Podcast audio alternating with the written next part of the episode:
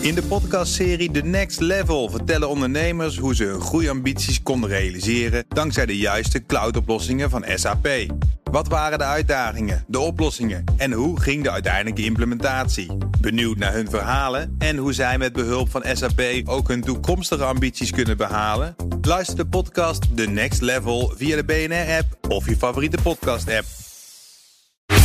Tech Update. En dan is Conor Klerks bij ons met kort technieuws, want we gaan zo naar de schaal van hebben. Jazeker. En weet je, normaal gesproken komen je karren binnen met grote blokken elektronica en snoertjes. Ik zie niks, maar ja, gaan we het zo over hebben.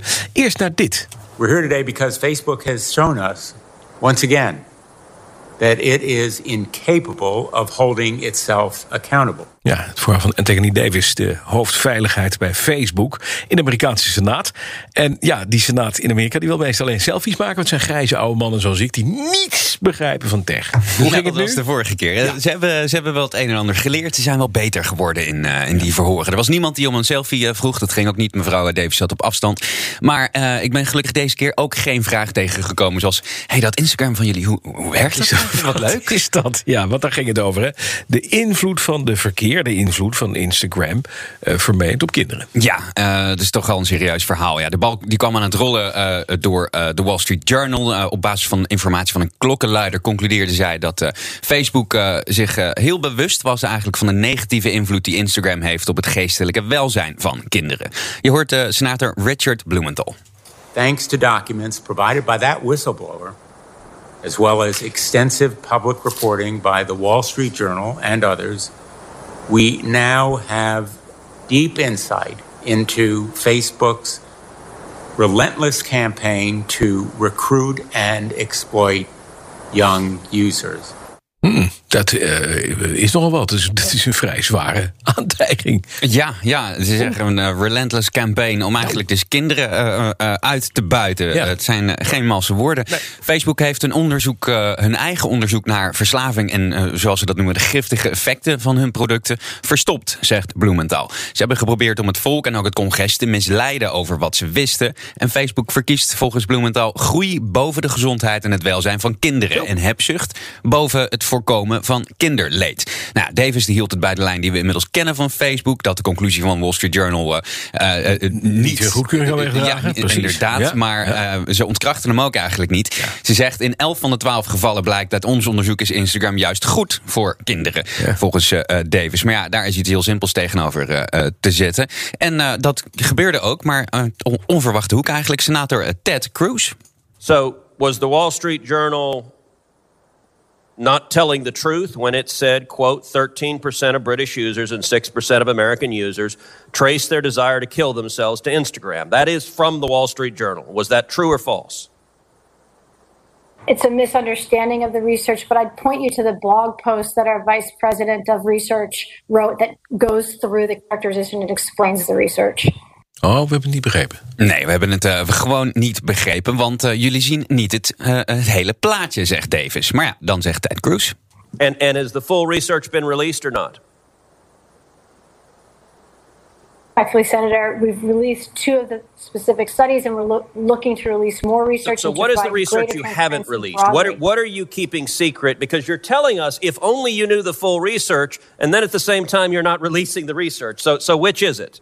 Ja, on, eh, on- on- onverwacht scherpe Cruz. Eh, meestal, eh, meestal zegt hij een beetje rare dingen, maar hier heeft hij toch wel een goed punt. Laat het onderzoek maar zien, zeggen ze. En ja, dat Ja. gaan we ook hopelijk ook een keer meemaken. Anthony Davis werd ook een beetje stil. Eventjes. Die dacht echt, oh, oh, pijn. Oeps.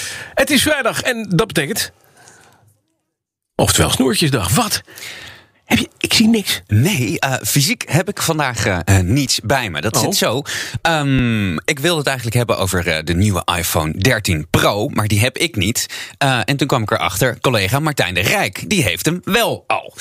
En die wilde ik heel graag lenen. En toen zei Martijn de Rijk, dat mag niet. Eh, dus vandaag een speciale gastbijdrage. De schaal van mag ik niet hebben met Martijn de Rijk. Martijn, de iPhone 13 Pro. Jij bent uh, al een behoorlijke Apple-fanaat. Dus volgens mij keek jij ook al best wel lang uit naar deze telefoon. Ja, dat waren die jaloerse blikken die ik af en toe op je telefoon wierp. Ja, ja precies. Ja, ik, heb een, ja. uh, ik heb een 12 Pro. Zullen we ze even gewoon uh, naast elkaar houden? Als ik hem even vast mag houden. Nou, ze zijn allebei ongeveer dezelfde vorm. Volgens mij is de jou een klein beetje dikker, de 13 Pro. Zo, ik geloof dat het 0,8 of 0,7 millimeter en 10 gram zwaarder. Oh, dus het is scheelt wel. Ja. ja, en ik zie ook weer grotere cameralenzen uh, dan, uh, dan op de mijne. Wat vind je van het design? Um, nou ja, weet je, ik, ik vind het design eigenlijk wel heel erg mooi. Maar dat is natuurlijk, dat is het al sinds de iPhone 12 Pro. Hè? Dus ja. Um, er wordt wel eens geroepen, ook in de, in de media, de technomedia, dat dit een, eigenlijk een 12S is. En daar ben ik het eigenlijk wel een beetje mee eens. Als in. Dit, dit toestel is het, het toestel van vorig jaar, maar op alle niveaus eigenlijk een beetje beter. Net een stukje beter. Een Alles betere is net camera, beter uh, batterij. batterij. Wat nog meer? Beter beeldscherm echt, uh, ik uh, nou ja, lees erg veel thuis op mijn iPad. En ik merk dat ik, dat, uh, dat ik die extra batterijduur wel hard nodig heb. Want ik neem steeds minder vaak de moeite om op te staan. Simpelweg doordat dat beeldscherm.